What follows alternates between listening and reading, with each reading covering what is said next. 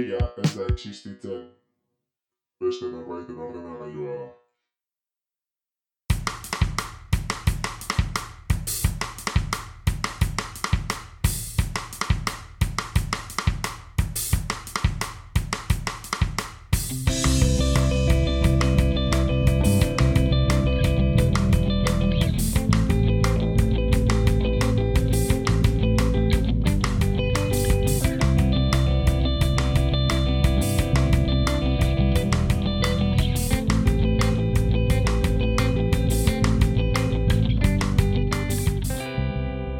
Ongi etorriak odeia ez existitzen podcastaren saio berri batera.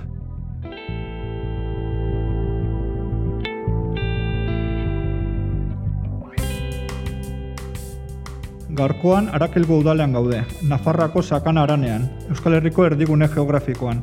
Sakananet proiektuari buruz hitz egitera etorri gara, horretarako hiru solaskide ditugu gurekin. Kaixo atxaldeon, e, Iker Manterola naiz, sakanako garapen agentziakoa, eta da pixkat e, proiektua fundazioarekin batera, bueno, e, pixkat e, forma ematen edo lagundu duena. Bo, ni oiana naiz, haraki ludaleko alkatea, eta proiektu honetan e, lan talde bat sortu honen eta bertako kidea. Kaixo, Maialen Martiaren naiz, Gifinez Fundazioko langilea, eta sakanan e, konektatu nahi duen jendeari e, arreta ematen diot.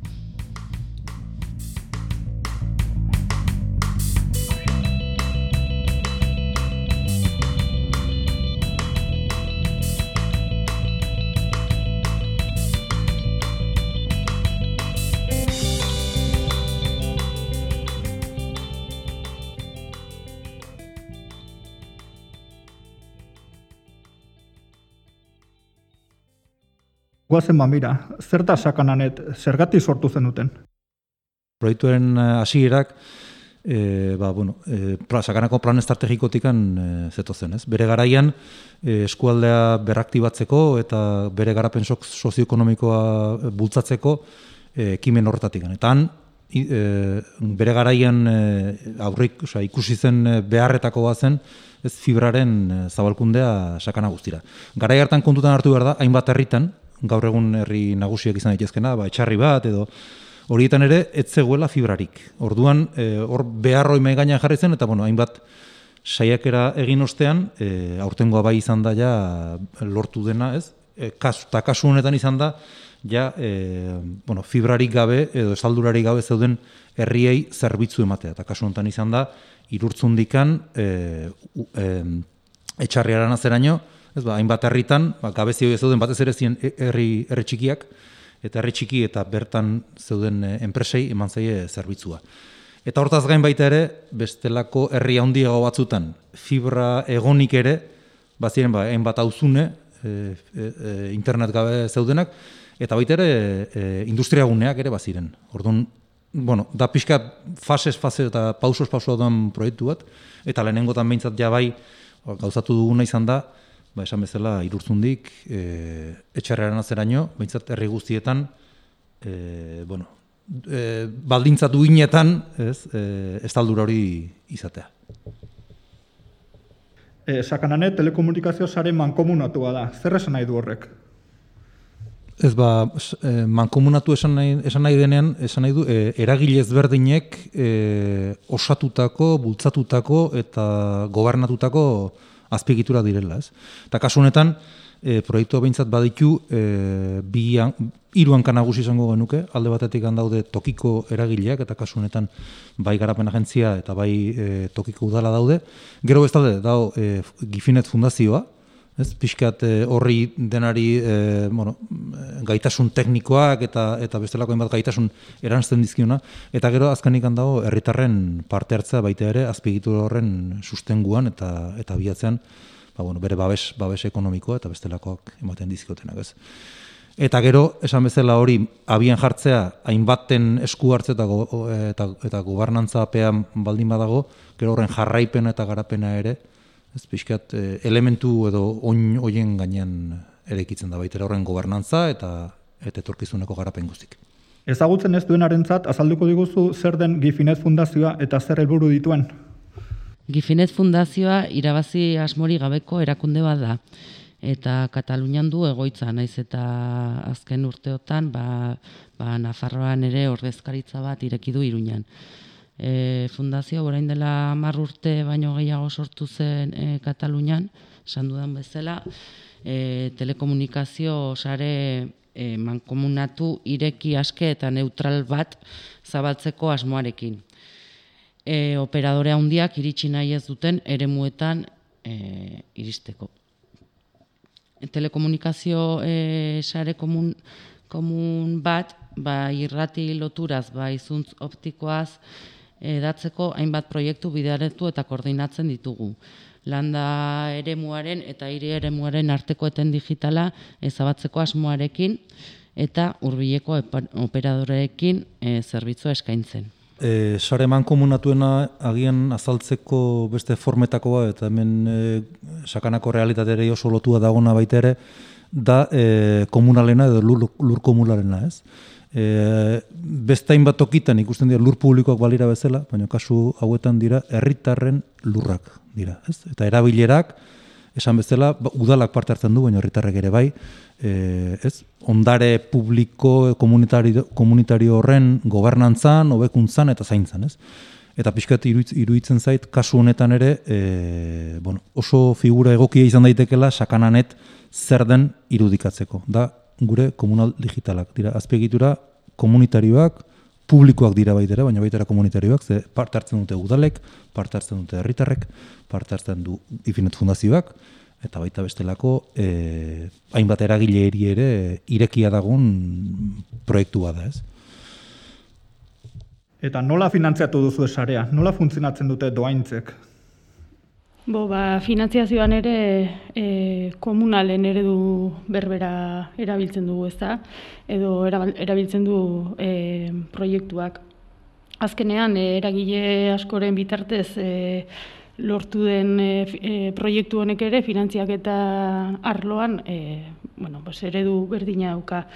E, alde batetik herritarrek berek e, e, finantziatu dute, Gifinet Fundazioak bere bere zatia ere aportatzen du. Sakanako mankomunitatea eta bertan dauden udalek e, parte hartzen dugu. Sakanako garapen agentziak ere, operadoreek eta azkenik e, Nafarroko gobernuak ere e, parte, parte bat e, jarri du proiektua aurrera atera alizateko. Hortaz hori, bose, ikerrek bizkat esplikatu duen bezala, bose, finanziazioan ere e, komunalen eredu berbera erabiltzen da. Eta, bueno, zer diren ekarpenak, bueno, zerritarrek proiektu honetan parte hartzeko modua da, ez, ekarpen, ekarpen bidez. Egiten dutena da e, hasierako ekarpen bat egin, kasu honetan mila berren eurotako ekarpena da, eta e, horrek e, bueno, baditu e, onura fiskal batzuk edo, e, horren euneko geita bosta berreskuratu egiten da, IRPF-aren edo e, errentaren bitartez, Eta gero gainera, e, bizitza osorako e, normalean edo zein e, operadorekin edo e, pagatzen den e, e, fakturan, hilabeteko fakturan pagatzen den zatitxo bat, ba, aurreztu egiten du e, e, karpena egiten duenak. Zatitxo bat esaten du, baina bueno, nahiko, nahiko puska handia da, eguneko amazazpi, amazazpi, amazazpi euro, euro da, eta urtean ateratzen dira berreunda lau euro aurrezpen bezala edo. Eta bueno, iruditzen zaigu oso, bueno, pues, e, importantea dela. E, azkenean, e, ekonomikoki, amazazpi euro gutxiagoko ordainketa hori dator e, normalean e, beste operadora batekin egiten malimozu e, kontratua edo, e, azkenean, beti zabiltza e, azpiegitura hori ordaintzen, ez? Edo azpiegitura hori egiteko egin den inbertsioa beti e, doakizu fakturan fundazioarekin eh, egiten balimada kontratua, e, azkenean ulertzen da azpiegitura hori pagatuta geratzen denean, ba, horrek ez duela zentzurik, ez, ez tegula zertan bizi osoa azpiegitura bat pagatzen egon beharrik ez da, hortaz hori, eta e, estimazio bat egiten e, ulert, bueno, ikusten dugu e, lau urtetan e, amortizatu egiten dela. Bai. E, sakanan udalerri eta herri txiki asko daude. Herritarren eta udal politiken ikuspegitik aukera eskaintzen ditu sakananetek. Nik esango nuke e, orain arte ez genuen aukera bat zabaldu digula, ez? Sakananetek beti kejaka aritu gara, e, hirietan, hirietako, o hirientzako politika egiten dela, eta landa, landa eremuak pixkatu utzita daudela. Nik hemen beti esaten dut, e, iruña hogei minututara daukagula, baina mundu bat dagoela hainbat gaietan, ez da, iruñarekiko. Eta, bueno, egiten duena da, aukera berdinak mai gainean jarri, ez da? E, orain arte ezin genuen arakil batean demagun, ezin genuen etxetik lan egin, ezin genuen etxetik ikasi, eta, bueno, pandemiak oso agerian utzi duen e, desberdintasun bat izan da, ez? Eta honekin ba, bueno, ba, zerbitzuen aldetik eta berdintasun baterantz e, pausu handi bat eman dugula irutzen zaigu. Bo, orain arte sakanan e, operadore handiak edo sartu, sartu izan dira, baina sartu, sartu dira herri handienetan. E, bueno, eta herri handi hoietan ere zailtasuna zeuden ere mutan e, e, fibrarik eta ez dute sartu izan, ez da? e, gelditu gara, bueno, arakil bezalako, edorgoiena bezalako, iraineta bezalako eudalerri batzuk, fibrari gabe, eta hori izan du da, bueno, argi, oso argi interes ekonomikorik e, ez, ez dutelako, ez? Oso biztan lehutsi gara herri bakoitzean, eta, eta bueno, baz, baztertuta uzten gaituzte beti hainbat gauzetan, ezta?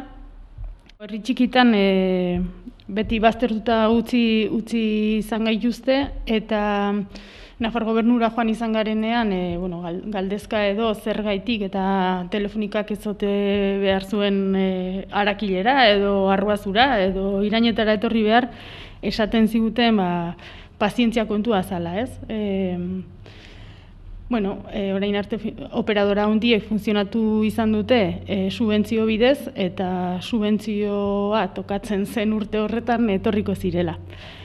E, guk aurre, ba, aurre pausua eman dugu eta irutzen zitzaigun e, pazientzia hori, bueno, ba, ba, norainokoa, bueno, bukatu zaigu, ez, pazientzia eta iruditzen zaigu eskubide berdinak izan behar ditugula, eta fundazioaren bitartez, eta hainbatu dalen e, laguntzari esker, ba, herri txikiek ere, bueno, konexioa izatea lortu dugu. Eta eskualdearen garapen sozioekonomikoari begira ere onuragarri izan da, ezta? Bai, nik uste, e, bueno, sakarako garapen agentzian aldetik bintzat bi puntutan e, baloratzen dugu, oza, bi puntutan oso positiboki baloratzen dugu. Alde batetik oianak esan duen bezala, e, orain arteko eskema hainbat e, egoeren aurrean zen itxaron e, pazientzia edukizazue etorriko da, eta askotan baita ere horrek e, udaletan ere eragiten zuen, ez? E, pixkat, e, dinamika, kexa, e, kexaren dinamika horretan e, katram, katramilatzen gintuzten batzuten, ez? Eta proiektu honekin behintzat ikusi dena izan da, e, kexatzetikan proposamena egitera eta hori aurrera emateko gaitasuna izatera, ez? Eta lortzera, esan e, proiektuak, e, olako proiektu batek bere komplexutasun guztiarekin izan ditzazkeen e, arazoi aurre egin, eta ala ere, e, ez? Martxan jartzera. Eta nik uste horrek e, garapen sozioekonomikoaren ikuspuntutikan badaukala olako, bueno, em, norbere lana balioan jartzearen balore hori, ez? Eta batez ere, hau egiteko gai izan balima gara, bestain bat arlotan ere, zergatik ez, ez? Hoi bai da nolako, ez dakit empoderatze kolektibo, ez dakit nola ditu, baina bai badu, badu elementu hori, eta guretzako oso, oso, oso positiboa dena, ez? Eta gero bestalde, e, maila e, teknologiko edo ezagutzaren edo enpresaren munduari lotuta, hor bai ikusten genula, nolabait e, tokian tokiko, e, ezagutza sortzeko aukera bat, ez? Esan e, guk bai e, Gifinet Fundazioarekin batera beste bat tokitan egindako ekimenak ikusita eta batez ere kasu honetan hornitzaile txiki aukera ematen zaien heinean, hor bai ikusten genuen, bueno, zerbitzu espezializatuak, e, teknologiari lotutakoak sortzeko aukera bat. E, Beintzat e, eskaintzen genuela, ez? Gero hori gauzatu behar da, beste baldintza asko eman behar dira olako ekimenak sortzeko, baino behintzat nik uste gure konpromesua eta gure bete beharra zela behintzat e, aukera horiek eskaintzea ez. Oinarri hori, plataforma hori, ekosistema hori eskaintzea eta eta hor ekin nahi dionari ba nolabaiteko laguntza ematea, ez? Orduan, lehenengo fase honetan gaude, e, momentuz martxan jartzen ari da, baina honi aukera ikusten dizkigu, batez ere epe, luze, epe luzeko lanketa baten, ez? Eta hor, ba, bueno, gure gaitasun eta aukeren arabera, ba, bortxe jungo gea lanean. Eta zein da gaur egungo egoera? Sakananet zerbitzu erabilgarri dago? Ba, esan dezakegu baietz, erabilgarri dagoela, e, jendea konektatuta dago, eta, bueno, ikerrek esan duen bezala, lehenbiziko fasean gaude, bueno, lan guztiak e, bukatu dira, herri ba, herriren batean ze zer falta da, baino, bueno, martxan gaude, e, maialenek esango izue gero, ze nolako dei eta dituen, bera harturatzen bai da honetaz, baino momentuz e, lau astetan egun konexio izan ditugu, eta mm, Estimazioa da udara baino lehen e, berreunda berroita mar konexio eginda eukitzea. Eta udarako ja hasiko ginake bigarren fase horrekin. Hor sartuko lirateke, bueno, beste hainbat e, konexio mota ezta. Fibra dagoeneko baduten edo bazuten herri hoietan, e, bueno, eta zailtasun berezia duten zonaldetan e, konexioa ematen hasiko dira gifinetekoak e, gifineten helburutako bat e, beti izan da e, e, hiriburu eta herri txikien arteko e, ez ar, e, eten digitala edo ezabatzea baina beste bat ere bai e, garrantzitsua izan da e, pertsona guztiei ez biztanle guztien gana iristea kalitatezko internet bat Orduan e, hemen e, ba sakanan adibez gifinet e, iristen ari da e, eta iritsiko da inor iritsi ez den tokietara, ba, hau da e, orain e, oianako aipatu duen bezala e, bigarren fasean iritsiko da e, udal sedeetara, e, ba, irain eta arruazu, uarte, etxarri eta arbizu bezalako herrietara. Hau kontuan hartuz, e, e, arazo ekonomikoak dituzten e, familietara eta egoera zaurgarrian dauden familietara iristeko e, e, e, urratsak ematen ari gara eta eta egoera hontan dauden familiak izango dute aukera gizarte zerbitzuen bidez e, ba, e, e, kalitatezko internet bat izateko. Eta aurrera begirazte asmo duzu, nola irudikatzen duzu etorkizuneko sakana? Ba, guretzako e, proiektu honek pixkat erakutsi digu lan egiteko modu batek euki dezaken arrakasta, ez? Eta batez ere baliabide gutxi dituzten herri txikiekin, ba, gauza handiek egiteko aukera ere ere badela, ez? Eta, bueno, azkenengo bi urtetan, e, mankomunitatearen baitan, e, lantaldeetan antolatuta, bai etxe arloan hor, ibilbide bat egiten ari da, telekomunikazioaren arloan ere eginda eta bueno, emaitza oi, sakananet proiektu du. Eta bueno, gure ustetan horrek lan egiteko modu bat e, nolabait e, indartzen nahi da edo ez? Lan egiteko e, modu bat e, bueno, garatzen nahi gela e, iruditzen zaigu. Eta hortikan ba, bueno, bestelako hainbat gaiei ere bide horretatikan e, lantzeko aukera ez? Eta hor daukagu oain e, plan estrategikoaren, sakanako plan estrategikoaren eguneratze prozesuan gaude, eta hor baita ere, bueno, udalen aldetik bai ikusten da, beraien etorkizuna pixka, beraien esku hartu, eta hainbat, eta arlo, arlo ezberdinetan, orain arte ateratzen hainbat arlotan, baina proposamena mai gainan daude, eta batez ere nik ustet, erreferentziak sortu direla, hainbat proiekturi lotuta, ba, sakan, eta sakanan izan litxeko bat. Eta referentziutatik nik uste, bueno, ba, etorkizuna lantzeko ilusio bat, edo gogo bat, edo indar bat bai, bai zetu Eta nik alde hortatik etorkizuna hola, irudikatzen dut, ez? Lan egiteko modu hauetan oinarrituta, ba, herritarrek e, eta sakanak eskualde bezala izan ditzazken beharrei erantzuteko bide bat, ez? Ba, nik ere, bueno, nire partetik, bueno, ikerrek esan duena berretxi pixka bat, ez? E, Neri tokatzen zaidan partetik, e, azkeneko hiru urtetan ikusi ditut pauso oso handi batzuk eman ditugula sakana mailan, ez? Lan egiteko eran batez ere. E, bueno, lantaldeka lanean ari gara hainbat gaiekin eta ikusten da e, taldean lan egin da, pues, e, pausuak e, handia, handiagoak edo bueno, e, firmeagoak, ez dakit nola esango nuke. Uste dut, e, nik irudikatzen dut e, sakana, ba, bueno, positiboki, hainbat alorretan. Telekomunikazioa ikusi da, e, duela bi urte nola geunden eta orain nola gauden, konexioak martxan daude, e, bueno, e, pozik egoteko modukoa, ez? Etxe bizitzarekin ere lan izugarria egiten ari gara. E, bueno, e, lan horren ondorio seguruenik, e, bueno, lan, lan horrek izango duen ondoriotako bat izango da, e, orain arte dagoen Nafar legean, e, etxe bizitzaren inguruko Nafar legean, hainbat gauza, aldatzea eta gure landa eremuko ikuspegi hori bertan e, txertatua egotea. Orduan ez da ez da gauza txikia, ez da. Eta ez dakit ni, bueno, bintzat, e, uste dut, e, optimismoz betetako edo jantzitako e, etorkizuna ikusten dut. Bai, Ba, gifineten hemendik aurrerako asmoa da e, aldugun udalerri gehienetara kalitatezko interneta helaraztea da.